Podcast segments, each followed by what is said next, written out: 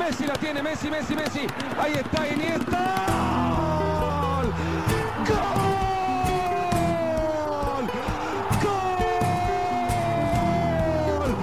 ¡Cerebro! ¡Cerebro! ¡Cerebro Iniesta! Koen, mijn eh, beste wensen voor het nieuwe jaar. Ja, ook van mij. Beste wensen voor u en voor alle luisteraars. Jij bent ehm, aan het drinken niet van een glaasje champagne, maar van een, van een gouffé. Ja, La Gouffé, een eh, lokaal biertje ergens uit zuiden van Spanje. En, eh, het, het logo is, is Een kabouter. een kabouter, ja. Een Spaanse kabouter. Eh, ja, Goed, ehm, ik zou het wel kloten vinden als we een hele uitzending wijden aan de slechte arbitrage in Spanje. Dat zou wel kunnen, hè, want het was een drama. ehm, zeker op speeldag 20, maar eigenlijk ook al wel de voorbije weken en, eh, en maanden. En we kunnen er niet helemaal omheen. Er is wel wat gebeurd.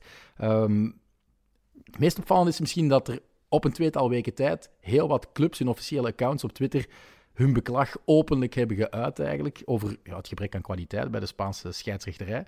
Eh, dat is op zich wel, wel juist, maar er zit toch iets anders achter dat al die teams via hun Twitter-kanalen, via hun Facebook-pagina's openlijk de arbitrage aanvallen.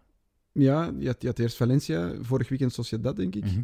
En dan nog Betis, eh, die achteraf gezien misschien het ja, meest recht van spreken hadden. Maar ja, ik vind zoiets, als je als speler, supporter, trainer, iemand betrokken bij de club in de heat of the moment iets over een scheidsrechter zegt, akkoord. Maar als je met officiële clubkanalen, zoals een Twitter-account of een Facebook-account, echt ja, eh, fases gaat eh, achter elkaar zetten, compilatievideo's gaat maken, zware statements gaat rondsturen, dat is misschien wel wat verregaand. En ik Het is ook weinig klassevol, hè? ja, weinig klassevol. Ik, ik snap de, de frustratie, die is logisch, maar ik, ik snap niet goed wat ze daarmee willen bereiken.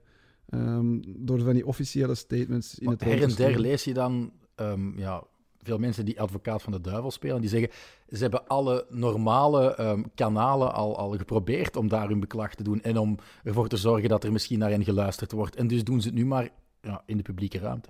Maar ja, wat, wat, wat los je daarmee op? Ik bedoel, ook de tegenstander moet met die slechte scheidsrechter tussen aanhalingstekens eh, een wedstrijd proberen afwerken. Dus vooral in het geval van Betis, dat was niet eens tegen een topploeg. Als je dat als kleine ploeg tegen een topploeg doet, dan, dan kan je nog altijd zeggen, ja, de grote ploegen worden beschermd, ja, die, dat. Vallecano is tegenwoordig een topploeg. Hè? Ja, oké, maar je, je kan toch niet de, de Spaanse arbitrage ervan betichten dat ze Rayo Vallecano gaan voortrekken of gaan bevoordelen. Dat, dat bestaat niet. Dus, Villarreal heeft ook wel wat beslissingen gehad die tegen hen zijn gegaan in de wedstrijd tegen Atletico. En die hebben zich dan wel koest gehouden. Buiten dan de trainer, maar dat was dan weer ja, iets raar. Een steekje naar, naar Gerard Piqué, heb je dat gezien? Want Gerard Piqué Ja. moeide zich ook met Ook, de, ja, de dat is- arbitrage in de wedstrijd, niet van Barcelona, maar van Real Madrid tegen Valencia. Eh, ja, daar zit natuurlijk meer achter, uiteraard. Eh, maar Unai Emery, ja, heb je dat gezien wat hij dan zei? Eh, Hij zei, ja, ja, Piqué sprong dan wel in de bres voor, eh, voor Valencia, omdat hij vond dat hij een onterechte penalty tegenkregen. Eh Villarreal, ja, die zagen door een handsbal eh, een goal onterecht afgekeurd worden tegen Atletico. En Emery, ja, die zei letterlijk, die van Parejo was geen hens, in tegenstelling tot Piqué zijn handsbal in de match op tegen uh. Villarreal. Ja. Ja. Ja, en hij zegt dan ook nog, ja, ik zag dat eh, Piqué scheidsrechterlijke beslissingen aanviel in een wedstrijd van andere teams. hij moet wel integer blijven en het publiek niet in verwarring brengen. Ja, ik, ik zag die tweets ook en ik dacht, ja, dom hoor. Ehm, laat die clubs... Het is voor één keer niet Barcelona versus Real Madrid. Eh, en en ja, Barcelona zijn er dan nog. Je, je krijgt het vaker mee dan tegen. Dus om je er dan in te gaan mengen als je Gerard Piqué bent. En je weet ook... Ja, het gaat niet over een paar punten... Of het gaat niet op een paar punten aankomen in de titelstrijd. Dus het, is, het is Nee, niet dat het spannend is. Dus waarom moet je dan nog zo... Oké, je mocht dat onterecht vinden dat Real Madrid een penalty heeft gekregen. Maar waarom moet je daar als speler van Maar Barcelona niet dan nog over tweeten? Ik snap dat echt Puur de timing, ja, een olie op het vuur gooien, want er komt een Classico aan. Ja, geen idee, maar ja, ik vind het gewoon dom en onnodig. En nogmaals, ik snap niet wat ze daarmee willen bereiken, behalve polemiek en, en, en sensatie. En ik denk dat de, de Spaanse media ervan smullen. Mhm. Eh, maar eigenlijk zijn er alleen maar verliezers in dit verhaal. Niet, niet in het minst de, de Spaanse arbitrage, want hoe moeten die nu... Met welk gevoel gaan die nu allemaal de volgende wedstrijd op het veld staan? Je weet, ah, straks kan er hier weer een club een tweet of een statement over mij de wereld insturen en Maar dat weer alles probleem. verkeerd gedaan. Eh, qua geloofwaardigheid hebben, ja, dat is wel dat staat als een paal boven Dat is water. overal, hè. dat is hier ook. Ja, maar het is echt wel slecht in dat is Spanje. in Engeland ook. Ah, ik weet het niet. Ik denk dat dat echt wel... Dat is van alle tijden en dat is van overal. Maar goed, straks nog wat dieper in op die eh, slechte beslissingen en op de betreffende matchen. Ik wil starten eh, met de match van Real Madrid, van de leider. Ehm, Real verloor op de vorige speeldag van eh, Getafe. Ja, daar hebben we het niet over gehad natuurlijk, want er was geen uitzending. Ehm, ze lieten ook geen echte wauw-indruk tegen derde klasser Alcoyano, die hen vorig seizoen uitschakelde in de beker. Ze wonnen uiteindelijk wel, maar het had eigenlijk helemaal geen problemen met Valencia. Nee, het leek wel als- alsof ze de puntjes op de i wouden zetten. Die, die match op Getafe, ik heb die integraal gezien. Ehm, ja, als je fan bent van Real Madrid, is dat een verschrikkelijke match. Want Getafe heeft niet gevoetbald. Ik denk één kans gekregen. En verder gewoon eh, masterclass tijdrekken, irritant doen. Dat hadden we nu ook kunnen verwachten, hè? want wie heeft dat bij Getafe eigenlijk ingesteld? Bordalas, de coach van Valencia. Ja, maar Valencia was... Of, nee, ik zal het zo zeggen, Real was te sterk en waren uit op, ik weet niet, niet revanche, maar ja, ze waren gewoon te goed. En dan achteraf kan Valencia wel weer zagen over die penalty. Ik denk niet dat het in de long run veel had uitgemaakt. Real Madrid had die match altijd gewonnen. Het was, het was, het was eigenlijk geen match, het was, het was eenrichtingsvoetbal. Dus Maar zeg je mening eens over de, de strafschop? Het is je beste vriend Casemiro die het Ja. uitlokt. Goh. Persoonlijk, moest ik daar scheidsrechter zijn, zou ik hem waarschijnlijk niet geven. Maar ik snap ook wel als een scheidsrechter hem geeft, dat de VAR hem niet gaat overroelen, omdat er contact is. Ja, en Casemiro clear valt. and obvious error. Voilà. Casemiro valt duidelijk te gretig. En ik denk, wie was het? Aldarete, denk ik, Omar. Die doet heel weinig, quasi niks. Maar Die hij steekt raakt- zelfs zijn voet niet echt Nee, uit. maar hij steekt zijn poep een beetje uit. Waar Casemiro dan ja, heel graag tegenloopt en dan gaat liggen. Want hij gaat echt liggen. Hè. Ik bedoel, Mhm. het is niet dat Aldarete hem daar vloert en dat Casemiro onmogelijk op de been kan blijven. Nee, hij gaat liggen. Dus hij zoekt de strafschop. Hij krijgt de strafschop. En ik denk dat het vanuit een VAR, eh, van- vanuit een VAR-perspectief misschien wel correct is dat je dat niet overroelt. Maar het is, het is een ongelooflijk lichte strafschop. En uiteraard voelt je dan bekocht, maar als je eigenlijk in heel de wedstrijd geen voet aan de grond hebt gekregen, is Nee, het is niet dat dat Valencia daarvoor... Die hebben misschien 10 minuten echte dreiging kunnen genereren. Ja.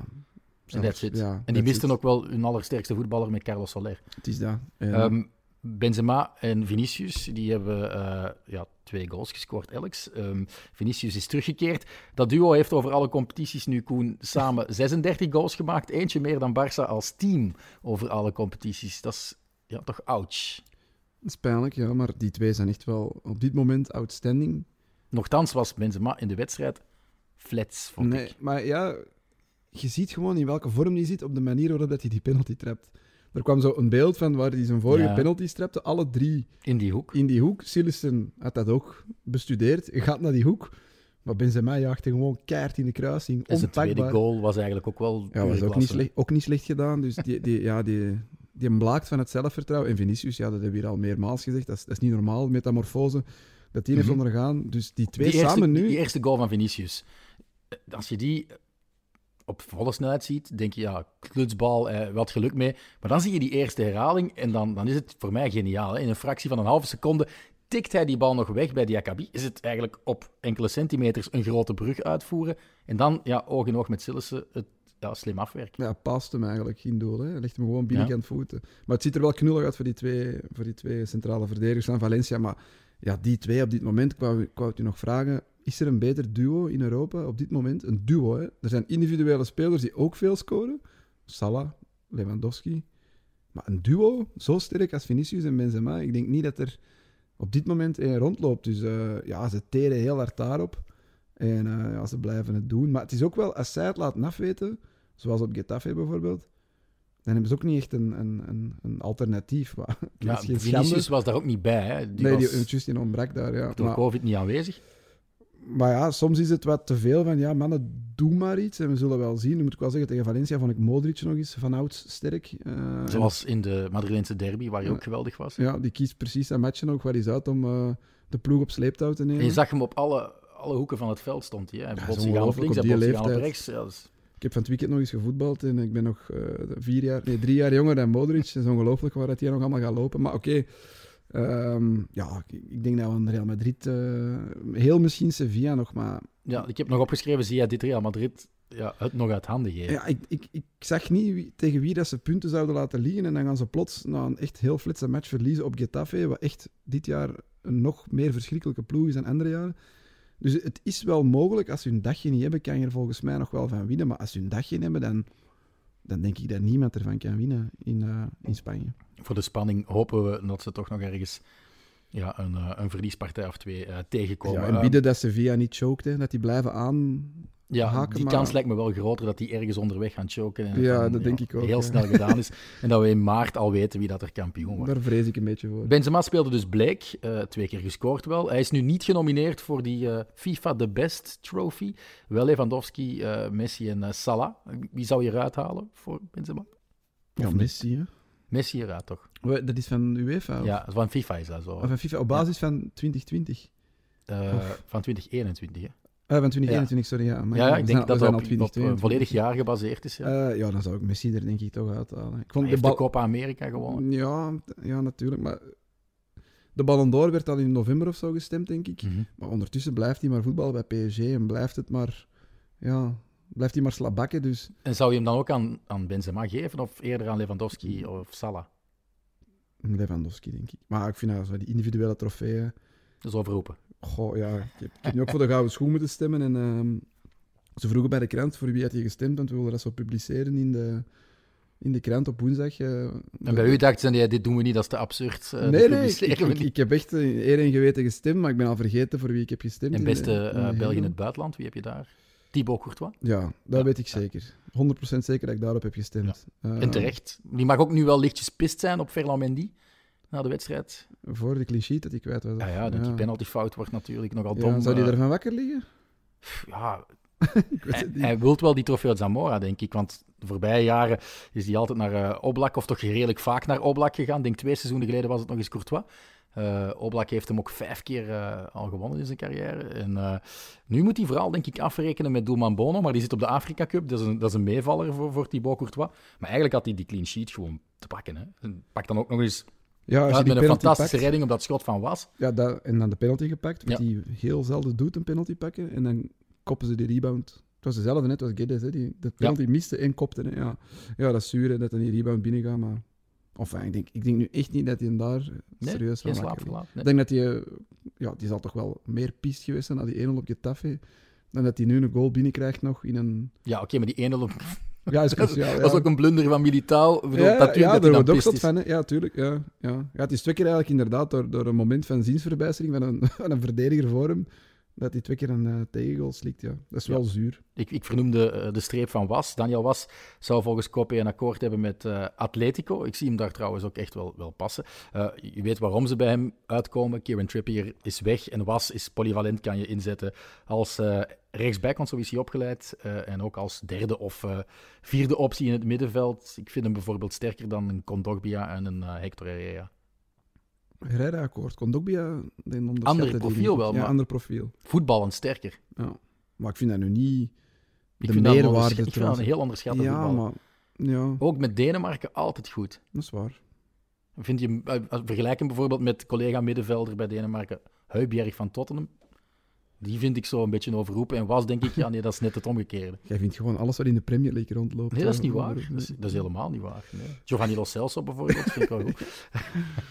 Bon. Maar goed, ehm, wie was op het veld niet tegenkwam, was Eden Hazard. Ja, we moeten opnieuw over Eden Hazard Kort, babbelen. kort. Eh, We geven misschien te veel aandacht aan een eh, bankzitter, bijna tribunezitter. Eh, maar ook de politiekers in België, Koen, die houden zich met Eden bezig. Hè. De woorden van Jean-Marie de Dekker in een vooruitblik op 2022 voor Sport Voetbalmagazine was dat, denk ik. Ja, Maar ik denk dat als het verkeerd, die hebben de krant van West-Vlaanderen geciteerd. Dus misschien heeft hij het. Die zitten wel bij hetzelfde huis, dus het zou kunnen dat oorspronkelijk in de krant van West-Vlaanderen... Ja. Dat is allemaal Roularta. Ja, ik denk het. Mag, ja. mag ik even citeren? Want... Citeer gerust, ja. Altijd dat gezever over Hazard. Dat is gewoon een klein dikkertje dat vet gemest is. Door het geld en het systeem.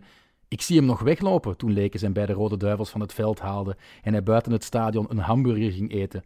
Zo'n atleet is voor mij al geclasseerd en vroeg of laat komt dat uit. En toch haalt zo iemand nog elke dag de krant. Die laatste zin vind ik wel geweldig, hè? want we kunnen ons dezelfde bedenking maken van de brulbeer uit Middelkerken. Hè? Dat hij nog de krant had. Ja. dat is schandalig, maar ja. Ik ga die niet interviewen. Hè. Ik, ik vraag me af waarom mijn collega's die nog altijd... eh, Ja, het gaat zelfs zo ver dat de Spaanse kranten hem oppikken. Hè? ja, dan moeten ze hem die toch kennen van in de tijd dat hij medailles pakte als Gewoon, nee, judo-coach. judo is dat, volgens mij is judo ook helemaal niet zo'n gigapopulaire sport in Spanje. Ja, maar het is, natuurlijk- het is een burgemeester, hè. Dus waarschijnlijk... El Alcalde. Ze vertalen dat snel. Ze beseffen niet dat dat een of andere Piet Luttige plek aan eh, de Belgische kust is. Maar ze denken, oh, een, Belgi- een Belgische burgemeester zegt iets over Eden Hazard. Oeh, dat is ook nog een judo-coach geweest. Laten we dat publiceren. Succesvolle judo-coach. Dat moeten Ja. we hem wel eh, eh, toeschrijven. Dat hij voor heel wat leuke momenten in de Belgische sportgeschiedenis gezorgd heeft. Nog even Thomas Bollaerts bedanken, een luisteraar die ons een direct message stuurde om te melden dat ze ja, Jean-Marie de Dekker dus as had gehaald. Niet de papieren versie, ik heb het even gecheckt. Ehm, daar hebben ze met geen woord over Hazard nog eh, de Dekker. Misschien kunnen we nu over naar ja, de andere titelpretendent. Ik kan nog één ding zeggen. Geen Hazard, maar plots viel Danny Ceballos in. Ik was die mens volledig vergeten. Ah, maar hij had al vier minuten tegen Alcoyano ingevallen. Ja, blijkbaar. Ik heb dat, ik heb dat dan inderdaad even gecheckt. Ja, maar die heeft niet meer gespeeld sinds de Olympische Spelen, blijkbaar. Dus Ja, maar die heeft daar een enkel blessure opgelopen. Is 150 dagen ik oud wist zelfs geweest. niet dat hij nog bij Real Madrid zat. Ja, bij Arsenal hebben ze zijn ja. eh, twee seizoenen is hem uitgeleend geweest. Dat is dan ja, aankoopoptie. Arsenal wilde die niet lichten. Maar hij ligt nog onder contract bij Real. Is daar ja, pakweg de zevende middenvelder. Ehm, zal in de pickorde, eh ja, denk ik, onder Casemiro, Kroos, Modric, Valverde, Isco staan. Misschien Camavinga zelfs. Camavinga, ja, ook nog. Eh, en dan, dan misschien nog iemand in de jeugd. En die mag dan Blanco. invallen. Ja, maar je hebt duidelijk niet naar mijn commentaar geluisterd. Nee, het staat op stil. Nee, Ja, nee sorry. hij, wa- hij was boos eh, in, die, ehm, oefen- eh, in die Copa del Rey-wedstrijd tegen Alcoyano, omdat hij van Ancelotti maar vier minuten mocht invallen. Dus wilde zijn wederoptreden maken na lang blessureleed. Waarschijnlijk constant opgewarmd in de tweede helft. Ik weet niet hoe dat de wedstrijd effectief uitdraaide, maar het was 1-3 hè, voor, voor Real. En uiteindelijk mag hij maar vier minuten invallen. En dan hebben de camerabeelden hem ontdekt dat hij echt aan het voeteren was en vooral woedend werd op Ancelotti. En dat is dan een heel ding geweest in de krant. Ehm, maar het heeft wel effect gesorteerd, hè, want hij is boos geworden. En nu mocht hij langer spelen, mocht hij 25 minuten spelen in Dus- plaats van vier. Boodschap aan Eden Hazard. Voilà. Dat is wat Gilles de Beelde dus ook zei. Wordt eens kwaad op Ancelotti. Ja, eens een keer goed aan de boom schudden en, eh, en dan kom je erin. Ik denk nu wel niet dat dat het- effectief het geval gaat Ik zijn. ben het eens met Gilles de Beelden. Goed, eh Sevilla-Getafe 1-0. De enige goal in dat duel van eh Rafa Mir. Ja, knappe goal, heerlijk met de hak. Eh, bijna à la Cristiano Ronaldo tegen Hongarije. Misschien net iets minder cool uitgevoerd. Dat was toch gewoon een flater eigenlijk van die keeper. Ja, maar ja, het doet het wel knap. hè. Ja, ja. Ik vind dat mooi, zo van die goals. Lage voorzet, eerste paal en dan achter het steunbeen, hieltje. Dat vind ik altijd wel knap. Mhm, mhm. Hij had eigenlijk drie keer de net doen trillen, ehm Rafa Mir. Twee keer van, eh, van het buitenspel. Ehm, ja, Koen, ik zit graag op Twitter, dat weet je. En ik las daar het volgende. ja, ik moet ook echt gewoon toegeven dat ik dingen pik. Eh, maar ik vind het wel de juiste omschrijving van hoe Sevilla dit seizoen voor de dag komt. Sevilla speelt het meeste Cholo Simeone-bal in Spanje. Ja, akkoord. Ik had toevallig eh, nog eens naar hun recente resultaten gekeken. Ze hebben nu 1-0 tegen Getafe. Vorige match 1-0 tegen Cadiz. Copa 2-0 tegen Zaragoza van een reeks lager. Penalties in de ronde daarvoor tegen Antrac. Ik weet zelfs niet welke reeks die spelen. Ja. 1-0 op Bilbao. Dan nog 1-0 tegen Villarreal. En 0-1 op Cordoba. En dat, is allemaal, dat zijn allemaal resultaten sinds december. En dan tussendoor ook nog 1-0 verloren op Salzburg en uitgeschakeld in de Champions League. Maar En al die, resulta- al die resultaten zijn... Ja, hun doelsaldo ook... Ja, ze hebben maar 13 doelpunten tegengekregen. ja dat is ongelooflijk, ja. Atletiek Club is denk ik de tweede beste defensie met 17. Maar ja, dat is eigenlijk een jaarlijks terugkerend fenomeen bij Atletiek. Want Atletiek scoort zelf ook weinig. Ja. Het is gewoon een heel saaie ploeg. Maar ja, Sevilla scoort nog wel. Sava, die hebben er meer dan 30 gemaakt. Mhm. Dus, maar En ja, Real Madrid heeft vijf doelpunten meer geslikt dan Sevilla. hoe vaak winnen die met 1-0 de laatste weken? Dat is niet normaal. En dan snap ik dat iemand tweet dat je dat vergelijkt met Simeone. En ja, hoe dat zij Maar ook vorig jaar die ik, resultaten ik over ben natuurlijk een fan van Atletico. Hè? Maar stel dat ik geen fan was, zou ik automatisch er mij klaarzetten in de zetel voor een match van Atletico, het huidige Atletico, dan het huidige Sevilla. Ook al staan die hoger in de ranking, zijn die tweede, doen die misschien een gooi naar een kampioenschap. Maar, Ja, er is niks sexy aan Nee, Sevilla. Niks. en die hebben nogthans onwaarschijnlijk sexy voetballers zoals Ja. een Papu Gomez. Maar die vinden dat blijkbaar oké om gewoon gortig te spelen en 1-0 te winnen. Allee, ze spelen ook niet gortig, want ze creëren best wel wat kansen en ze houden gewoon veel de nul. Dus dat is, dat is ja, een pluim voor eh, de technische staf daar. Maar Je haalt daar Luc de Jong weg en ineens is alles sexy en is verdwenen bij Sevilla. nee, nee, het is echt, het is echt, eh, het is echt niet aangenaam om naar te kijken Nee. eigenlijk. Het- En nogthans, ja, ze hebben een goede keeper in Bono. Ze hebben met Jules Koundé Ja. ja, voor mij een toptalent als centrale verdediger, die ook goed kan voetballen. dat Die, wordt echt een van de beste voor de komende jaren, Ja. denk ik. Ja. In dat middenveld, Fernando is een heel goede voetballer. Joan Jordan zie ik graag bezig. En dan inderdaad Papu Gomez, Lamela. Je, je kan ze allemaal opnoemen. Hè. nog, ja. Ja, en dan hebben we nog eh, een paar gasten niet eens vernoemd, zoals Campos. dat Jesus Navas. eh, dus, dus eigenlijk heeft dat team alles. Is ook redelijk goed gebalanceerd. Monchi is natuurlijk wel een heel slimme technisch directeur. Eh, maar toch, ja, het is een beetje ehm, ja, droog, saai. Niet de echte... eh, Maar het is onze enige ja, hoop om ja, nog een spannende competitie. erg om te zeggen. Ja. Eh, Als je een inhaalmatch winnen, staan ze op twee punten. Hè? Dat is knetter, hè? Ja, Ze staan virtueel op twee punten van Nee, Real Madrid. als ze in een, match winnen, staan ze op vijf punten, niet? Of, nee, want ze hebben ook gewonnen, ja. Dus, ja, ze, ja, ze staan nu op vijf punten. en ze hebben match, ja. ze hebben een match te goed. Hè? Door die nederlaag van, van Real op Getafe is de kloof virtueel En als ze dan punten. Real Madrid thuis kloppen, ja, dan staan ze Die match komt er Dus nog aan. Maar pff, alles in eigen handen. Ja, dat heeft wel eens gezegd, denk ik. Mhm. Dus ja, we hebben hier al vaak gezegd inderdaad dat eh, Real Madrid en Sevilla de enige overgebleven title challengers zijn. Eh, het is ook waanzinnig spannend wat lager in het klassement. Hè? Want ik heb het eens gezien. Ehm, in de rankings, de Champions League plaatsen en de andere Europese tickets, ja, tussen de nummer 3 en nummer 10 liggen maar zes punten. Dus de teams eh, die ons de derde en eh, vierde plaats zullen bezorgen aan het eind van de rit, ja, dat zal één of twee van eh, het groepje Betis, Atletico, Real Sociedad, Rayo Vallecano, Villarreal, Athletic Club en Valencia zijn. Op welke twee teams zet jij je geld? Barcelona, Ah, ik dacht dat je het niet ging ho- werken, dat ik ze er bewust niet had tussen gegooid. Eh, jawel, jawel. Ja, als ze hadden gewonnen op Granada, stonden ze gewoon al vir- virtueel mee derde. Hè? Ja. Dan hadden ze evenveel punten als eh, Betis. Maar die ploegen zijn het een beetje aan het laten afweten. En je voelt de ploegen die aan het komen zijn en de ploegen die een beetje aan het Maar terugvallen Real zijn. Sociedad heeft het laten afweten en is nu weer terug. Boah, een moeizame overwinning weer. Ja, maar zaterdag stonden die derde, hè? Bedoel, Ja, ja, ah, wel, ja maar oké, die hebben heel lang eerste gestaan. Dus die zijn nog altijd een beetje aan, het- Mhm. aan het afglijden. Hè. Die Maar Rayo staat nu ook pas zevende, terwijl die ook effectief Ja. derde hebben gestaan, denk ik, Ja. of vierde. Dus ik denk, die ploegen gaan er tussenuit. Betis, met alle respect, die gaan er tussenuit. En dan, dan komen toch weer de usual suspects. Atletico, Barça, Villarreal, die ik heel goed vind spelen de laatste Mhm. weken. Eh, die gaan er dan toch om strijden, denk ik. En eh, Barcelona 1-1 Ja. tegen Granada. Eh Ferran Torres is nu wel eindelijk ingeschreven. Hè? En zal ook debuteren in de Supercoppa, want samen met P3 negatief getest. Eh, iedereen moet trouwens gevaccineerd zijn om naar Saudi-Arabië te mogen. Ehm, en ze hebben ook eh, toestemming gekregen van de eh Saoedische overheid om hem, denk ik, dan wel later te laten invliegen. Want ik denk dat het vliegtuig ja. Ja, het was- al vertrokken was. Ze moesten dus eerst eh, de contractverlenging van Samuel Mtiti Mhm. regelen. Dan kon Ferran Torres ingeschreven worden. Dan moesten ze wachten op het resultaat van de, van de COVID-test. En dan mag, mocht hij dinsdag invliegen. Ja, voor de mensen niet- die dinsdag luisteren, het is maandagavond Ja. opgenomen. want Anders is het Ik denk niet dat, ehm, mocht Umtiti zijn contract niet hebben verlengd, of ja, eh, gezegd hebben van ja, ik wil minder verdienen. Hij verdient evenveel. Hè?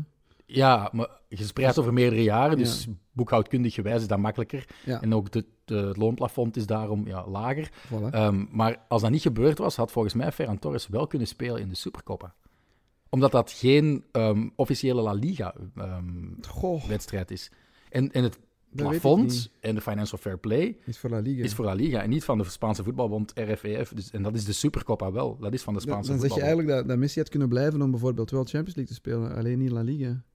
Hmm, ja. Ik denk dat, Ja, het, nee. dat- het is gewoon... Maar de Supercoppa is natuurlijk wel een soort van Ik denk dat het oefen, wordt op- oefentoernooi. Hè? Het wordt opgelegd vanuit Spanje aan de teams die in Spanje op professionele basis actief zijn, denk ik. Maakt niet uit volgens mij in welke competitie. Maar Ja, maar ik dacht dat omdat dat eigenlijk een veredelde oefentoernooi is, dat dat wel Mm. had gemogen. nee, nee, want, nee, want. Dani Alves heeft ook die... Want dan ehm, hadden ze maar ingevlogen. Ah, nee, maar Dani Alves heeft toch ook die, die Copa Maradona gespeeld in, ehm Ja, in dat is, Saudi-Arabië? dat is echt... Dat is, Ja, de Supercoppa is eigenlijk dat is zoals de. De, de, Gamper of zo. Dat is, dat is, dat is Ja, niks. wat is het verschil met de Of Supercoppa? de Brugse Metten hier. Dat, dat is geen... Ja, de Supercoppa is een is- officieel toernooi. Ja, een officiële wedstrijd. Die Copa Maradona of de Brugse Metten, dat zijn geen officiële wedstrijden, dat zijn oefenwedstrijden. maar goed, hij is ingeschreven. Eh, is, is het voldoende door, door te zeggen dat hij dus zijn, zijn loon behoudt en spreidt over meerdere seizoenen, om het echt uit te leggen aan iemand die er geen kaas van gegeten heeft, zoals ik?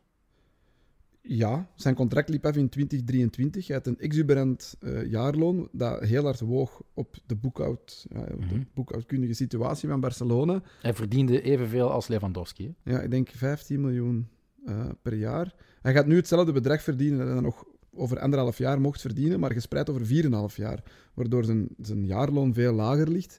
En waardoor er ruimte is in de boekhoud... eh, in de boekhouding? Mijn. ik moest al nadenken. eh, om, om een extra speler in te schrijven, zoals Ferran Torres. En er is ook een optie opgenomen dat hij transfervrij... Of enfin, gratis mag vertrekken als hij dat wil. En voor dit eh, half seizoen, het komende half seizoen, wordt er zelfs nog gezocht naar, eh, Naar een, mogelijke Maar, uitleenbeurt. maar in theorie, zoals ze het ook hebben aangekondigd, geven ze wat de indruk van. Ah, Samuel Umtiti is eigenlijk nog wel gelukkig in Barcelona en zal misschien zijn contract uitdoen. Dat geloof ik nooit. Ik denk dat dit echt wel een, een, een, een boodschap is naar de rest van de wereld. Kijk, Samuel Umtiti verdient nu minder dan wat jullie allemaal dachten, of wat het geval was. Eh, kom hem maar halen, dus noods gratis, en, en neem dat lagere loon tegenover het vorige Ja. loon, neem dat maar over. Hetzelfde met Coutinho. Hè. Als Uiteindelijk jij, betaalt Aston Villa ook maar een deel van wou loon. kopen, moet je toch helemaal geen rekening houden met het loon dat hij verdient bij Barcelona. Ja, Umtiti moet wel akkoord gaan Ja, met een veel maar dat lager is loon. nu nog altijd het geval, Ja, hè, als ze hem gratis komen halen. Hè. Ja, dus het is een ongelooflijk staaltje onderhandelen tussen Barcelona en de entourage van Umtiti. hè. En dus gaan weer alle pluimen naar die nieuwe... eh, Don Alemani. Ja, Matteo Alemani. Matteo Alemani, die van, van Valencia en vroeger van Mallorca kwam. Ehm, die dat door eh, Laporta is gehaald. eh, ja. Laten we zeggen dat hij toch een verbetering is ten opzichte van Erik Abidal. Hè. Ja, het hij heeft al wel een paar geniale dingen gedaan. Hè. Ik bedoel, eerst dat Coutinho en dan nu dit. Ja, dat zijn wel waanzinnige contracten. eh. En Dani Alves voor een appel en een ei. ja, we zullen zien. eh. Hoe, hoe vond je? Want hij lijkt me een beetje de oplossing voor, voor alle Alves. problemen te zijn, Dani Alves. Ja, pas op, het was toch bij momenten. eh, hij heeft een paar geniale dingen gedaan. Uiteraard die, die assist en, en nog een defensieve blok ergens op het einde. Maar je ziet toch, het is nog even zoeken. Hè. Het hij, hij komt wel van Dus ver, uit denk ik. nostalgie deed het heel veel deugd. Maar als je echt de hele wedstrijd Maar analyseert... wat hij wel heeft, is gewoon, dat is volgens mij een op- en top prof. En, en als hij een slechte pas geeft of, of iets verkeerd doet, dan steekt hij direct. Je ziet dat ook, zijn hand op. Ja, oké, maar dat doet, Nee, maar dat doet Mingueza ook, hè, Koen? Ja, maar dat moet Dani Alves... Je zou kunnen denken, Dani Alves moet dat niet doen naar Piqué of naar Eric Garcia. Of, maar die beseft dat direct van... Shit, dit was niet goed van mij. Ik kan mij herpakken. En ja, ik denk dat dat wel... Voor die kleedkamer is dat misschien wel niet slecht dat er zo iemand is bijgekomen. En ja, puur intrinsiek, voetbaltechnisch, hoe hij, hoe hij voetbal als rechtsback niet, brengt... Ja, dat is beter dan alle rechtsbacks die er dit seizoen hebben gestaan. Maar het is wel nog af en toe met vallen en opstaan. Wat niet abnormaal is, want half jaar niet gevoetbald, 38 jaar, komt uit Brazilië. ehm, ja. Maar ik denk, ja, het is, het is inderdaad... Als hem fit blijft, gaat hij gewoon heel, heel het seizoen uitdoen Mhm. op de rechtsback. En verdient eh, Luc de Jong een verlengd verblijf op basis van toch twee goede optredens? Ja, twee matchen, twee golen. Eh, nog een derde goal afgekeurd. En in die match op Mallorca had hem ook eigenlijk nog een omhaal op de lat. Eh, nog een goede kans. Dus ja, als je veel op voorzetten wilt spelen en, en daar echt op, op ja, een soort van plan B van wilt maken, in momenten dat het moeilijker gaat, voetbaltechnisch over de grond, ja, dan kun je maar best Luc de Jong in de spits hebben staan en niet Memphis Depay of, of, of die Jutkla of, of eender Hoe zit het met Breathwaite? Want die was toch op de weg terug? Die is aan het trainen, ja, individueel. En Soufati gaat mee nu naar, naar Mhm, Saudi-Arabië ook. Maar we zullen zien, eh, er stond een asterix bij zijn naam. Als hij fit Maar als jij nu Xavi was in de pickorde, zou je dan Breathwaite verkiezen op, op de Jong? Op, dit, ja, nee, op dit moment niet. Denk Omdat de Jong, ja, in vorm is. Ja, doeltreffend. Die, die kop, de afgekeurde doelpunt was eigenlijk nog mooier dan het doelpunt dat hij dat wel telde. Ja, die zijn kopballen zijn, zijn wel gewoon goed. Oké, maar er zijn maanden geweest dat hij ineens niet meer kon koppen. Hè, terwijl hij ook op die manier altijd zijn doelpunten maakte bij Sevilla en eerder bij PSV. Ja. Ik vind, ik vind... Ik heb hem hier afgebroken en ik denk dat heel veel Barcelona-supporters zoiets hadden van... Wat doet hij hier eigenlijk bij onze club? Maar uiteindelijk is dat gewoon een op- en top prof. Hij kan er niet aan doen dat het bestuur van Barcelona zo wanhopig was en er zo'n zootje van had gemaakt dat hij het moest komen oplossen en dat ze hem hebben gehaald eh, als, als backup of als alternatief. Kan Ik dat zag wel aan die doen. memes van een lachende Koeman die naar een tv aan het kijken was. Ja, maar Koeman heeft minder uit Luc de Jong gehad dan nu Xavi. En Xavi is er nog maar pas. Dus dat is ook weer pijnlijk voor Koeman, vind ik dan. Hij heeft hem ook wel regelmatig opgesteld. Mhm. hè, dus ehm, ja, ik vind dat gewoon... Dat is, dat is een goede speler die altijd zijn stinkende best gaat doen. Je weet ook wel ongeveer wat je eraan hebt. Je kunt daar niet echt super boos op zijn. En nogmaals, het is niet zijn schuld dat hij in de spits staat bij Barcelona. Het is nu gewoon zo gelopen en ja, hij hij zal zijn best wel doen. Ja, we ik zijn ik het wil hem nog liever zien gaan. Stel, stel dat tien jaar geleden eh, Andy Carroll of zo in de spits zou lopen bij Barcelona, zouden wij ook dezelfde reactie hebben gehad. Ja, Liverpool heeft ook die fout gemaakt. Ja. Die kerel. Ja, het, het, is, het, gebeur, het is gebeurd. En, en oké, na dit seizoen is dat sowieso terug weg. hè, Want eh, hij wordt maar ge- gehuurd. En, en ik dacht dat Cadiz een optie was. Dat zij het huurcontract wouden overnemen. Ik denk dat dat daar een echt een goede speler voor zou zijn. Die zou die er misschien kunnen inhouden, want Cadiz gaat het heel moeilijk hebben Mhm. om erin te blijven. Maar op dit moment zou ik hem toch even nog houden. Het is nog ja, 20 dagen tot het verstrijken van de Mercato, dus even afwachten of dat, je, of dat Ferran Op die, Torres er 20 direct dagen, staat. op die 20 Ja. dagen, wie gaat er nog allemaal vertrekken, denk je? Ik hoop Umtiti toch. Ehm Sergio Roberto misschien. Ousmane Dembélé. Die Neto zijn ze ook wel overal mee aan het leuren. Eh, Dembélé, goh ja. Maar dat zijn, niet, zijn dat niet eerder de jongens die je moet verpatsen om veel gemakkelijker ja, wat ademruimte te creëren, financieel gezien? Ja, ik, ik, eh, Ik denk dan ook aan een Memphis. ja, Me- Memphis mag van mij nu echt beschikken. Hoe dat die ook is ingevallen op Granada, dat is eh, niet te doen. Maar ik verwacht heel veel nog van die allemaal. hè. Ze zijn ermee aan het dwepen in Spanje. Ze Mhm. vonden die fantastisch bij Mallorca in een tijd. Die heeft Eto gekocht eh, voor een appel en een ei en dan doorverkocht al- aan Laporte. Gaat hij al zo lang mee? Ja, Die eh, ziet er zo nog jong uit eigenlijk. ja, nou, pas op, die is wel die naar de maar 60. Eto'o bij, bij Mallorca, er is 20 trouwens... jaar geleden. Hè? Ja, voilà. Ik ging zeggen, er is trouwens een prachtige muurschildering gezet, Ja, zeker, de aan het maken bij stadion. Barcelona. Ja. Ja, en wel dus schitterend dat Laporta dan met een shirtje stond van Barcelona, om ook op de foto te gaan met Ja. Eto'o. En Eto'o hem staalhard negeerde en gewoon naar eh, de Mallorca-voorzitter ging. En dan is hij naar Valencia ook nog. Die heeft onder Peter Lim bij Valencia gewerkt. Hij heeft nog de finale gewonnen van, van de Copa del Rey Mhm. tegen Barcelona. Dus en uiteindelijk heeft hij toen met een Valencia in zware financiële problemen nog wel slimme Ja, en is daar ook gewoon gedaan. opgestapt, uit onvrede Ja, en met ik de denk dat voorzitter. er toen ook heel veel misnoegde supporters waren, omdat, omdat iedereen de kant van Alemania Ja. koos tegen, eh, tegen Peter Lim. Dus ik denk wel dat dat iemand is met een, met een mooi cv en een goede onderhandelaar. Blijkbaar ook overal goede contacten. Ja, Maar ja, Do- Duitse gründlichkeit. Probeert, probeert Zo'n zo heel flauw mopje, dat is niet gevallen. Allemaal, ja. ja. Probeert, ehm ja, probeert zo'n Umtiti en zo'n zo'n eh, Coutinho en al die... Dat is niet evident. Nee, want die, die zitten daarmee... Allee, die zitten daarmee ongelooflijke contracten. Het moet voor iedereen ongeveer wel een, een, een, een win-win verhaal zijn. En dat is in dit geval heel moeilijk. Die, die mannen hebben gewoon boven hun stand geleefd. Zo simpel Mhm. is het.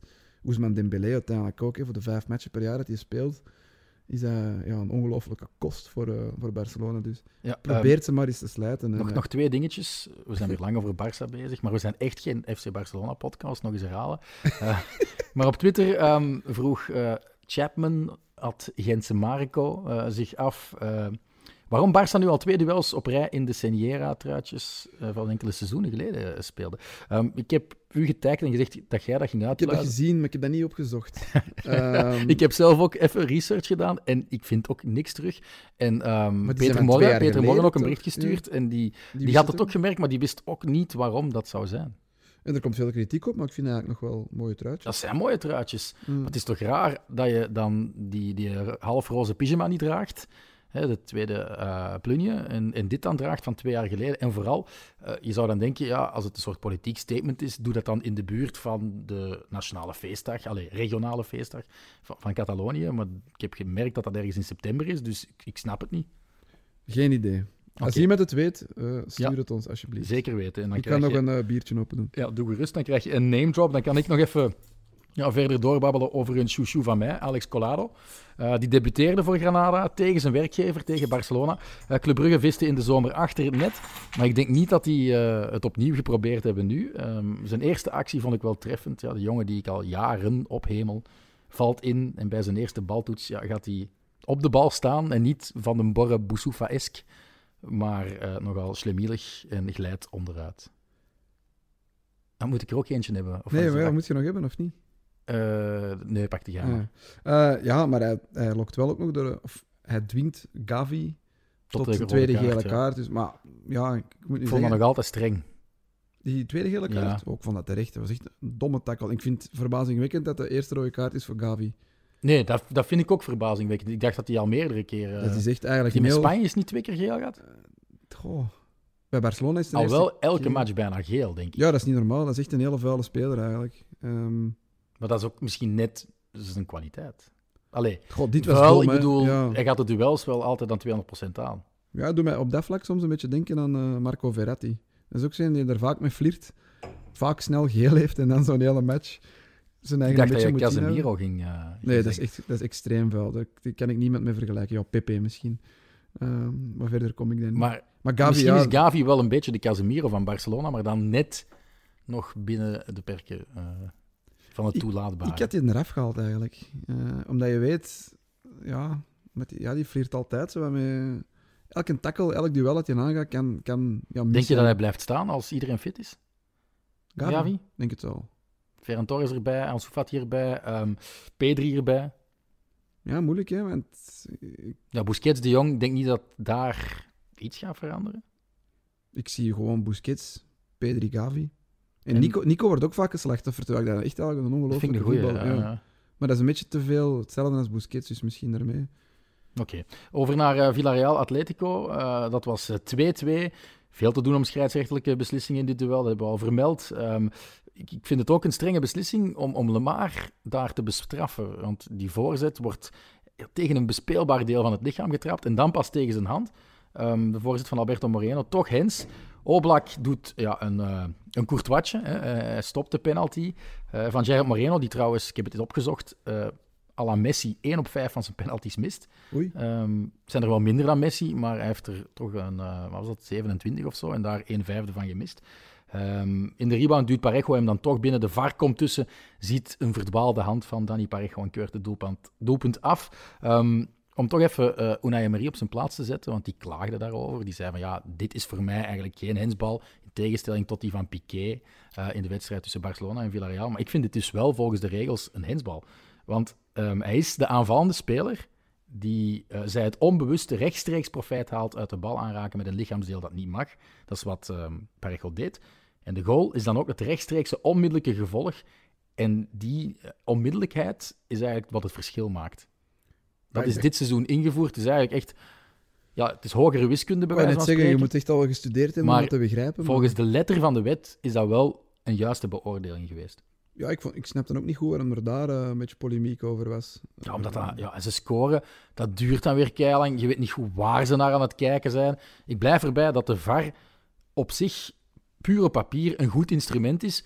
Maar dat, ja, en dat is eigenlijk het grote probleem van scheidsrechters overal ter wereld. Er is een gebrek aan communicatie. En door een gebrek aan communicatie naar de supporters toe, ook naar de teams uiteraard, ja, slaan die constant een mal figuur. Maar constant. En, en als je daar niet stappen in durft te zetten, zoals in andere sporten, denk maar aan Hockey. eh, hockey, American football, waar dat heel het stadion hoort wat de penalties zijn, dus wat de, de fouten zijn die de scheidsrechter eh, besloten heeft, ehm, dan heb je ook gewoon automatisch meer begrip. Dus ik, ik vind dat eigenlijk een beetje belachelijk dat dat blijft moeilijk zijn. Maar ja, zwart. Ehm, Je zet toch weer veel over de scheidsrechter. ja, ja, ja. Maar, misschien moeten we verder over het sportieve. Zagen we in dit duel de goal van het jaar? Ja, ja, want je hebt hier ehm Parejo vermeld, heeft ook de assisten voor de goal van het jaar. Ja. Verschrikkelijke Straf, paas, want, maar... want hij moet zich helemaal uitstrekken om ertussen te zitten eh, met zijn rechtervoet. En dan meteen, ja, binnen de paar seconden, blik naar doel. Keeper staat uiteraard ver uit zijn goalroelie, maar hij doet dat wel perfect. Hè, blijkbaar ja. 0,0016 expected goals. Allee, als je vandaar... Die kan specifiek. Die kan ja, ja. specifiek. Volgens mij is dat redelijk ongezien dat je met zo'n lage expected goals een goal maakt. Maar hij voert het technisch perfect uit en effectief, ja. Het is jammer dat het door een slechte paas van een, van een tegenstander komt. Dat, dat neemt een beetje van de schoonheid weg. Dat is wel vaak met van die, van die ballen van in de middenlijn. Hè? Ja, Want anders staat een keeper ook niet zo ver uit zijn doel. Ja, met een counter of zo. En dat je dan trapt van ver. Zo heeft Beckham toch wel eens gescoord, denk ik. Op een aanval zelf en dan gewoon getrapt. Of Ja. Wayne Rooney ook. Maar ja, het is, het, is, eh, het is een fabelachtig doelpunt. Ik denk dat je dat duizend keer mag proberen en die gaat 998 keer niet binnen, volgens mij. Dat is... Je moet die zo perfect raken. En effectief, hij moest al zijn eigen reppen om die bal te hebben, Ja. om, om, om die pas te onderscheppen. En dan ineens uithalen. Zo precies. Ja, dus...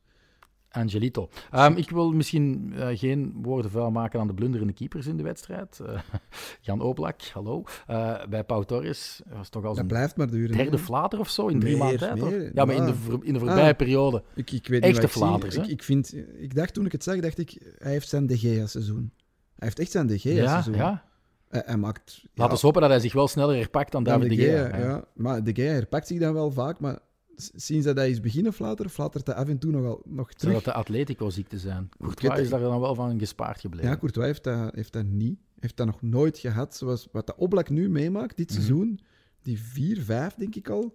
maar je kan, je kan toch niet op de bank zitten? Nee, nee, uiteraard niet. Maar het, het is wel een, een nieuwe fase in zijn carrière. Dat, Hij speelt zijn slechtste seizoen ooit. Ja, dat hij ook gewoon feilbaar is. Dat, Mhm. het, is het is geen, eh, geen robot meer. Nee. meer. En ehm, ja, deze was wel ook echt wel... Ik bedoel, ik denk dat ik die had geklemd. Met alle Ja, respect. ja, en je kan wel zeggen, ja, hij zit hem wel laten komen, maar nee, het, is, het is echt een 100% fout. Ah, ja. Maar Roelie, bij, bij de goal van Condogbia, dat is ook een 100% fout. ja, maar 2-2. m- minder. Anders. Ik weet het niet. Ja, die van, van Oblak vond ik flagranter. Ja, maar ik denk dat Oblak wat Roelie doet, dan nooit gaan meemaken. Want dat ja, is dat eigenlijk... durf ik nu niet meer zeggen. Ja, maar dat is wel- Als hem die bal goed ziet komen, is hij wel sneller bij de grond, denk ik. Maar zwart, eh, Het is jammer dat zo'n Wat- mooie match ja, eigenlijk door twee flaters ook ja, voilà. Maar wat ik ook wel heel jammer vind, eh, en wat zo pijnlijk is aan het huidige seizoen van Jan Oblak, is dat er heel, het is heel moeilijk voor mij om wereldreddingen dit seizoen ook voor de geest te halen. Als hij dat nu nog combineert met af en toe ja, de reddingen die hij de voorbije jaren altijd boven... Hij was eigenlijk degene die altijd... Ja, een highlight reel, hè, human highlight reel was Jan Oblak. Hè, en altijd belangrijk. Hè. Ik bedoel, ze haalden ehm, clean sheets na clean sheets. En dat was dikwijls met een of andere onmogelijke wereldsave. Maar ik kan er mij geen enkele herinneren dit seizoen. Dat je echt denkt, oh, dit moet ik nu vier, vijf keer herbekijken om echt te zien van, wauw, hij gaat die bal echt op het verste punt halen. Dat is gewoon niet voorgevallen. Nee, nee, het blijft echt een rotseizoen. Mhm. Maar ik moet... Allee, Atletico en Oblak beleven een rotseizoen, maar complimenten toch weer ook aan Villarreal. Als die in vorm zijn, is dat echt een goede ploeg. Hè? Voetballen mooi, hè. Gerard Moreno ook. Goh, als die er nu dus Die steekbal op de perfecte manier afgeleverd voor Alberto Moreno, die wel een beetje Het geluk is jammer dat hij die penalty, die penalty mist, want eh, Gerard Moreno, maar ook zo'n Pau Torres, dat is toch een topper. Mhm. Alleen in wording wou ik zeggen, maar dat is gewoon al een topspeler. De, de- die hebben echt nog, een goede ploeg Ze hebben er nog, hè. ik bedoel, ik vind eh Trigueros ook een van de meest onderschatte pionnen van La Liga. Al jaren aan een stuk dat hij hoog niveau haalt. Eh, Nu wou ik u aan een quiz onderwerpen. oei, Hier is het quizmoment. Eh Villarreal is het zwaarst getroffen door de. Afrika Cup. Ah, door de Afrika Cup. Vier spelers. Er zijn er maar tien in heel La Liga actief. Chukwueze, Ja, Dia. ja twee. Oh, maar welke Afrikanen zitten er nog bij Villarreal? Eh oh, maar nu moet ik echt al ver nadenken. In de verdediging hebben ze er misschien nog wel één? Twee zelfs. Oh, Rechtsback en centraal. Nee, rechtsback en centraal. Eh Die spelen niet, niet altijd of, weinig. wacht, hè, maar centraal moet ik dan toch wel weten. De rechtsback, dat denk ik niet dat ik dat meteen... Centraal heeft geflaterd op, ehm, op Atletico. Het staat ongoal, denk ik, daar. In de laatste minuut. Op Atletico, in de eerste ontmoeting. Oei, dat is te ver. Dat was ergens in het begin van het seizoen. Oh shit, nee, nee daar ga ik niet op komen. Denk, kan je toch niet gebuist, 2 op 4 gehaald? Of was het 5? Twee Al- op vier. een Algerijnse centrale verdediger. Ah, Mendy. Nee. Mondi. Mondi. Ja. En dan heb je nog... Ik denk nog altijd dat hij bij Betis zit op een of andere manier. Ja, die heeft Aurier, gemaakt. ben je ook Ah ja, Aurier. Die zit ook bij Villarreal. Ja, ja, en dan we gaan, ik, door, maar we gaan door, want de quiz is nog niet gedaan. Oei, dus oei, oei. tien spelers. En je hebt er vier van Villarreal. Nu nog zes. Drie van Sevilla. Dat dat is gemakkelijk. makkelijk. Bono, Enesiri en... ehm, Nog een Marokkaan. ja, eh, Nederlandse Marokkaan. Nee, nee, Spaanse Marokkaan. Ehm, ik dacht... ehm, Ex-Barça. Ja, ja, ik weet wie dat je bedoelt. Ik kan even niet op zijn naam komen. Allee, zeg. eh Mounir El Haddadi. Ja, maar nu komen de, nu komen de extreem... Nu zitten we op zes, hè? Nu, nee, zeven. hè. zeven, je hebt vier ja. en drie. Hè, zeven. Dus nu komen er nog drie. Ik zoek nog een speler van Equatoriaal Guinea. Van Cadiz. Eh, Uh, Hoksken of zo. nee, nee, heeft hij Carlos overlaatst... Acapo. Ja, maar ja, ik ging juist zeggen, heeft hij overlaatst niet een grandioze wedstrijd gespeeld tegen Ja. Real Madrid? Bon, oké. Tegen... Senegal, een Senegalees bij Alaves. Een Senegalees bij Alaves. Ehm Babé Diop. Nee. Mamadou Loum. Ah nee, dat wist ik En niet. dan de laatste, een Ghanese van Mallorca. Voornaam Idrissou. Eh, Dat is te moeilijk. mm, Jij bent duidelijk de Afrika Cup niet aan het volgen. Nee, hè? Idrisso Diop. Baba. Baba. Ah, ja, ja, ja. Dat zijn de tien. Zwat. Die ken ik Even wel. tussendoor. Goed, nee, nee. Had ik voorbereid, een quiz voor u. Hè? Ja, en terecht, want de Afrika Cup krijgt veel te weinig aandacht. Voilà. Maar ik weet wel dat Tariq Tissoudali vandaag eh, is gedebuteerd. En die wedstrijd van Marokko eindigde op 1-0 tegen voor Marokko tegen eh, Ghana. Met. Enesiri en eh, Bono. Nee, in nee. ja, Bono in doel wel, maar Enesiri stond er niet op. Maar ik heb maar Flarden van de tweede helft gezien. Ik weet niet of dat die is ingevallen, maar Mhm. Boufal stond in de spits. Ah ja. Maar Enesiri stond er niet op. Oké, eh, ik had eigenlijk ook nog een paar dingen over Atletico. Dus we waren over die blunderende keepers bezig. Ehm, maar Terstegen wou ik toch ook even vermelden, hè, Koen? Want die heeft, denk ik, misschien evenveel blunders begaan al als Oblak dit seizoen. Maar heeft dan de chance dat dat precies nooit even goed afgestraft wordt. Want nu weer in die wedstrijd van Barcelona tegen Granada in de 94e minuut. En het is vaak met de voeten dat hij in de fout gaat dit seizoen. Nou, Ja, het is dwingt dan Ter Stegen wel tot een fantastische redding, maar hij begint altijd wel bij de fout van Ter Stegen.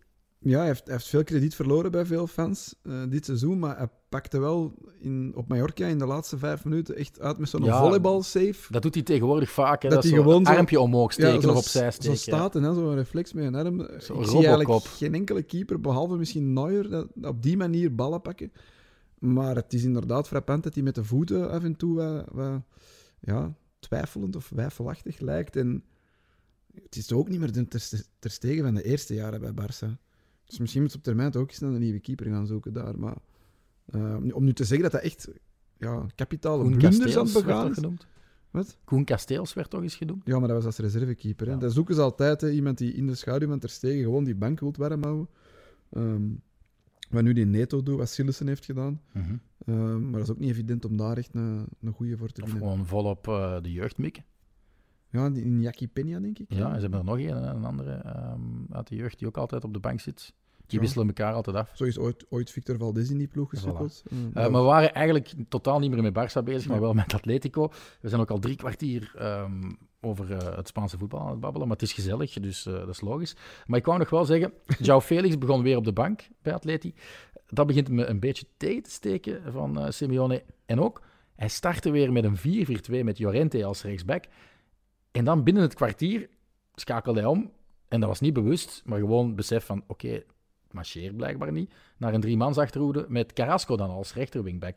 Ik heb zo het gevoel dat Simeone, tactisch gezien, dat hebben we hier toch al vaak gezegd. ja, weer zo van geen houtpijlen weet te maken. Dat is het, toch... het is raar als je tegen, tegen Villarreal niet weet hoe Villarreal gaat spelen en eigenlijk tactisch niet voorbereid, zo lijkt het wel, of, of verrast wordt door Villarreal.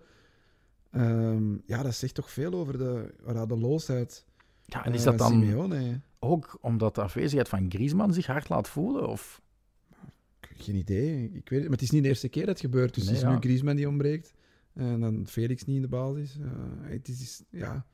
Je, je, weet, je weet, als je een match van Atletico gaat zien, weet je eigenlijk niet welke elf gaan spelen en in welk systeem.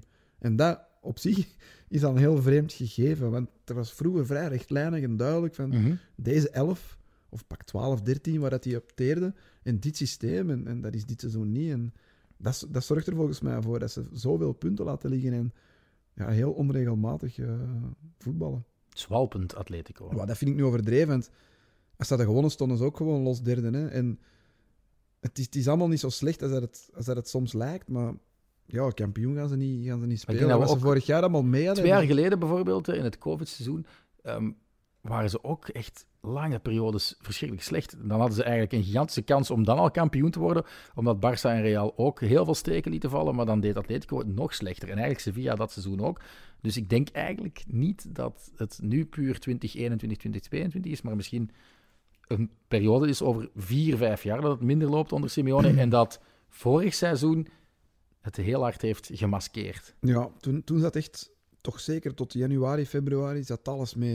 En dan hebben ze ook een moeilijke periode Heel moeilijke gehad. periode gehad. Ja, en dan Met toch, een goed Levante. Die... toch nog net genoeg eh, voorsprong al opgebouwd om, dat- om, dat, om dat te rekken tot, Mhm. aan, tot, aan, eh, tot aan het einde. Maar het is, ja, het is inderdaad misschien al langer dat het onregelmatig is. En dat kampioenenjaar heeft veel verbloemd. Maar als er een kans was om twee jaar op rij kampioen te worden, dan was het wel, Ja, ja, dit inderdaad, jaar, denk ik. ja. Want we zeggen hier wel, Real is, is eh, de topfavoriet. En die zouden met de vingers in de neus kampioen kunnen spelen. Maar om nu te zeggen dat die alles kapot spelen...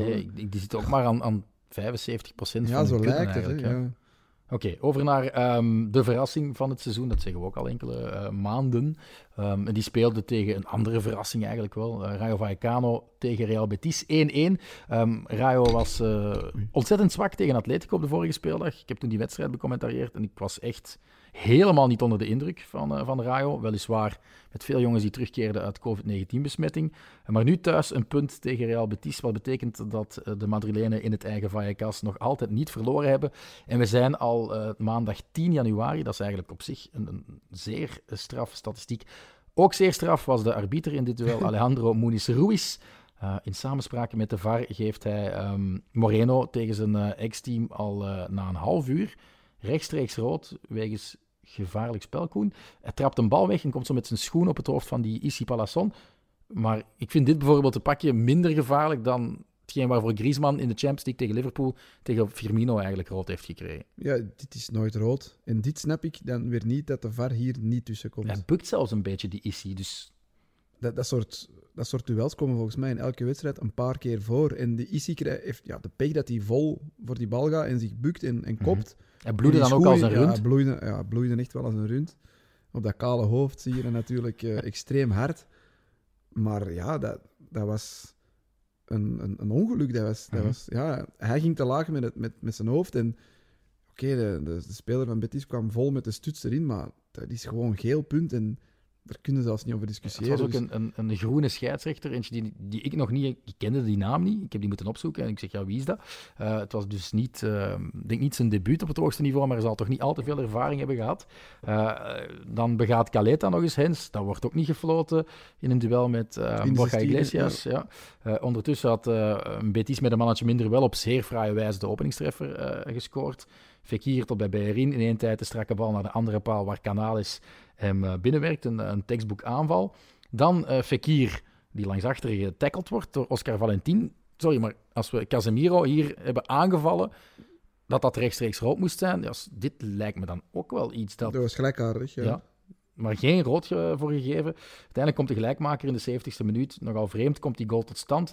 Ehm, Falcao doet daar ook wel iets raar. Ja, de, de, de bal, ik weet niet wie hem op de paal eh, kopt of schiet. En dan de- bij de rebound wil Bartra hem wegwerken. En Falcao kan niet meer bij die bal, smijt zich met het hoofd eerst richting Bartra, die hem dan zo half wegwerkt. En dan belandt hij in de voeten van, eh, van een speler van Vallecano. Die trapt binnen. Dus bijna bij elke cruciale fase in die wedstrijd heeft Betis wel reden tot klagen. Mhm. Eh, wat ze dan ook, ja, wat we er straks gezegd hebben, gedaan hebben. Maar dit was, ja, qua, qua optelsom, misschien wel de meest merkwaardige, Ja, meest flagrante. meest flagrante ja, wedstrijd met arbi- arbitraire ja, dwalingen die we Ja. dit seizoen al gezien hebben. Dus ergens begrijpelijk dat ze bij Betis compleet gefrustreerd zijn. Onbegrijpelijk dat ze dat ja, via hun sociale media Yes, moeten yes. kenbaar maken. Eh, de assist, lucky assist, want ik denk niet dat het de bedoeling is van Trejo voor die Balieu die de gelijkmaker maakt. Ehm zorgt er wel voor dat Trejo nu aan negen stuk zit. Heeft hij die gekregen? Heeft hij gekregen, ja. Hij had al eentje meer dan Benzema sowieso, Ja. maar nu heeft hij er dus twee meer. Hij leidt de dans in eh, die categorie. Eh, in een categorie waar ik ook graag Adnan Januzaj iets productiever zou willen zien.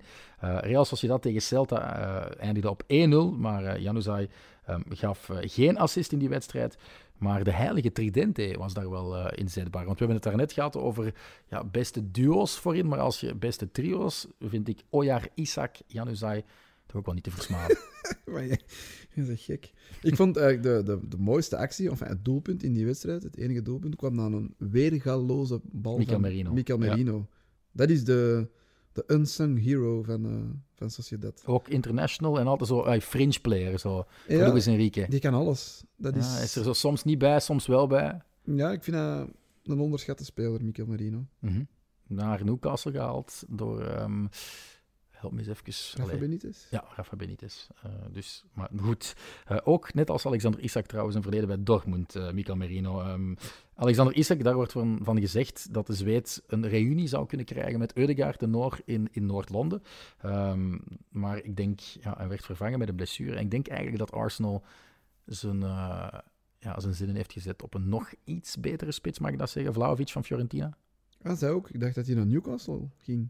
Ja, oké, Die Newcastle, gaan Vlahovic. niet, Newcastle wordt constant in verband gebracht met de grootste namen.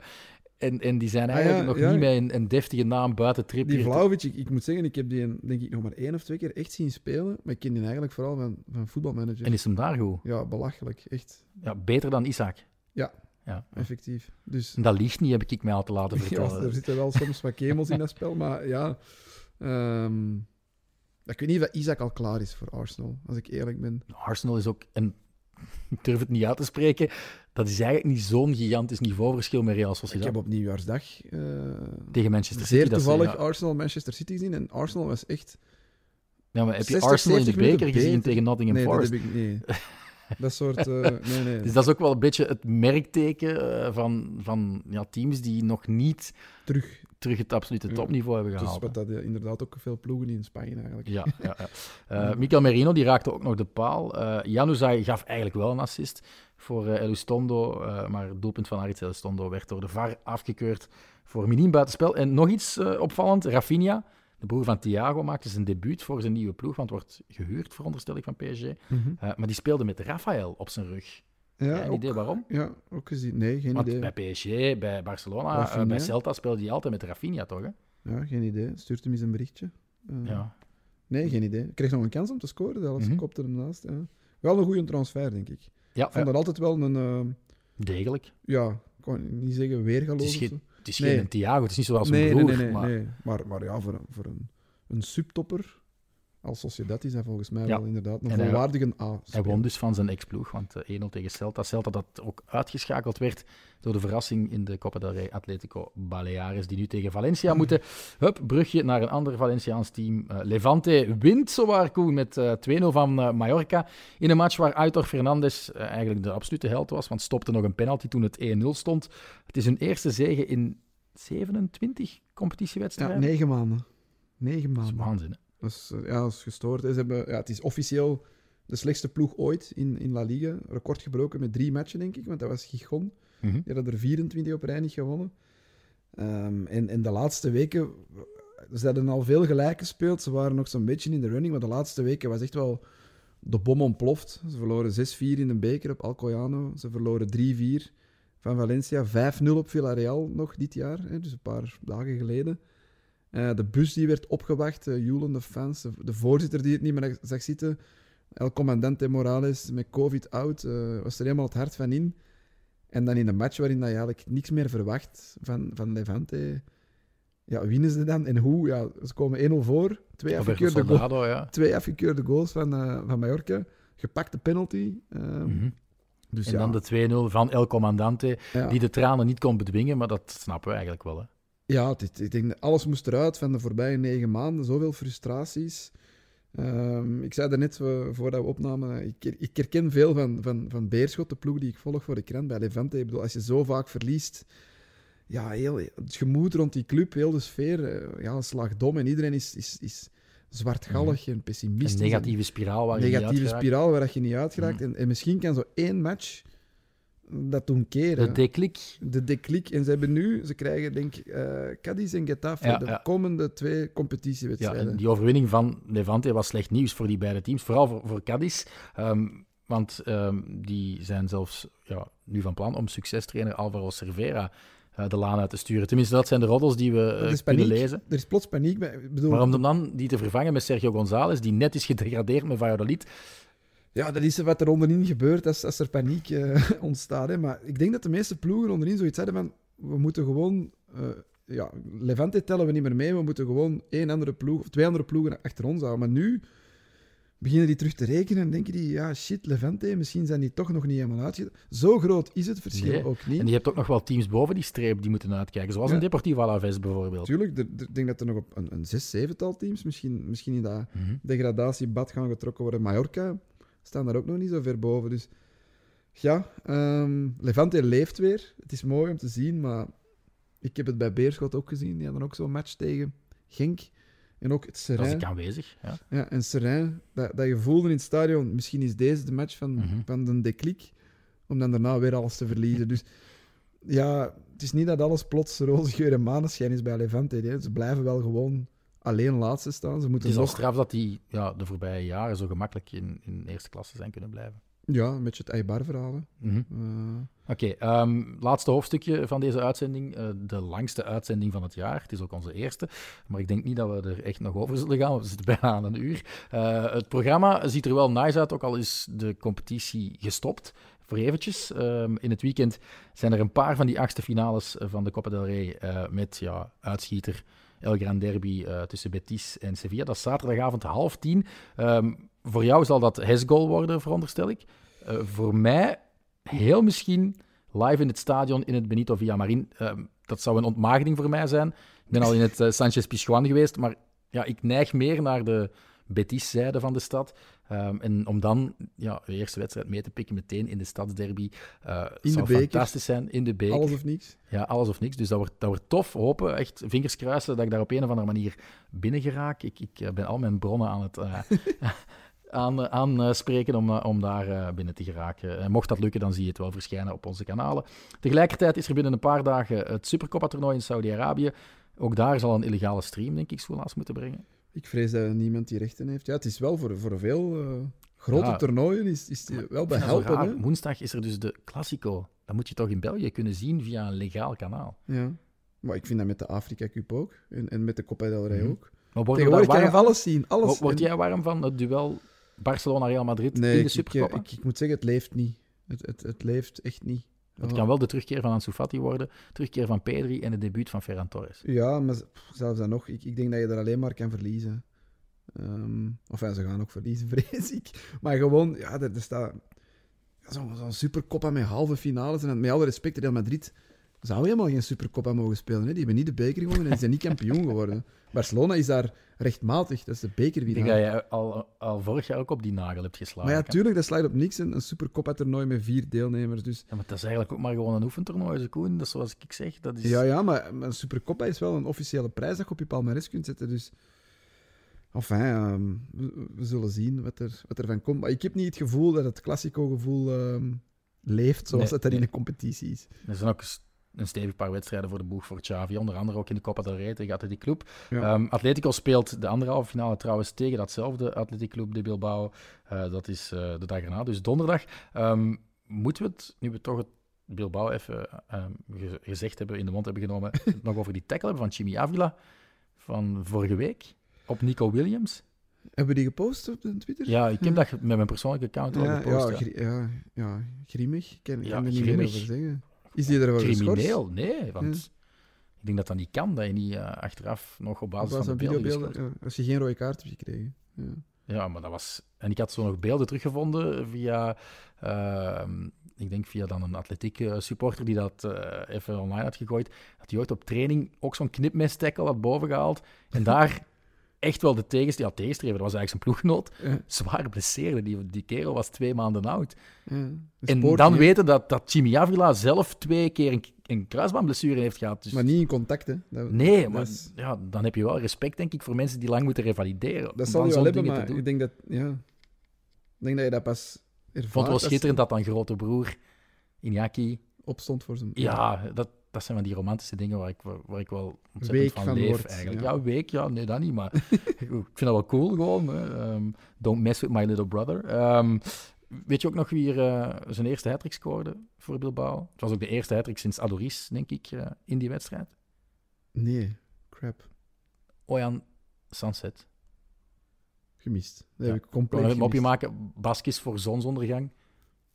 Oké, Ik denk dat we moeten afronden. ik denk Voilà, dat ja, tijd is om De zon gaat onder deze uitzending. Voilà. Misschien nog eh, heel even voor mensen die eh, ad hoc willen luisteren. Ja, dat kan eigenlijk niet, want we zenden dat pas morgen uit. Maar er is ook een match bezig op dit moment. hè. Espanyol Elche. Heb je een tussenstand? Tussenstand na 45 minuten, maar niemand heeft daar iets aan buiten wij met twee. 1-2 voor Elche. Wel belangrijk in de degradatiestrijd. Hallo, dat zijn drie gouden punten. Ah, tussenstand is nog niet gedaan. Nee, het is, het is rust op dit moment. Hmm. Je mag één keer raden wie er eh, voor Espanyol gescoord heeft en dan sluiten we daar weer af. Raúl de Thomas. Ja, op penalty. Dat was de aansluitingstreffer. Mijn tweede gok was Landry Di Matta geweest. Nee, dan had ik dat waarschijnlijk al sneller in de uitzending gegooid. En had je al getweet. Ja, voilà. Oké, bedankt voor het luisteren. We- meer dan een uur. Eh, en we beloven dat het de volgende keer niet zo lang zal zijn. Tot dan.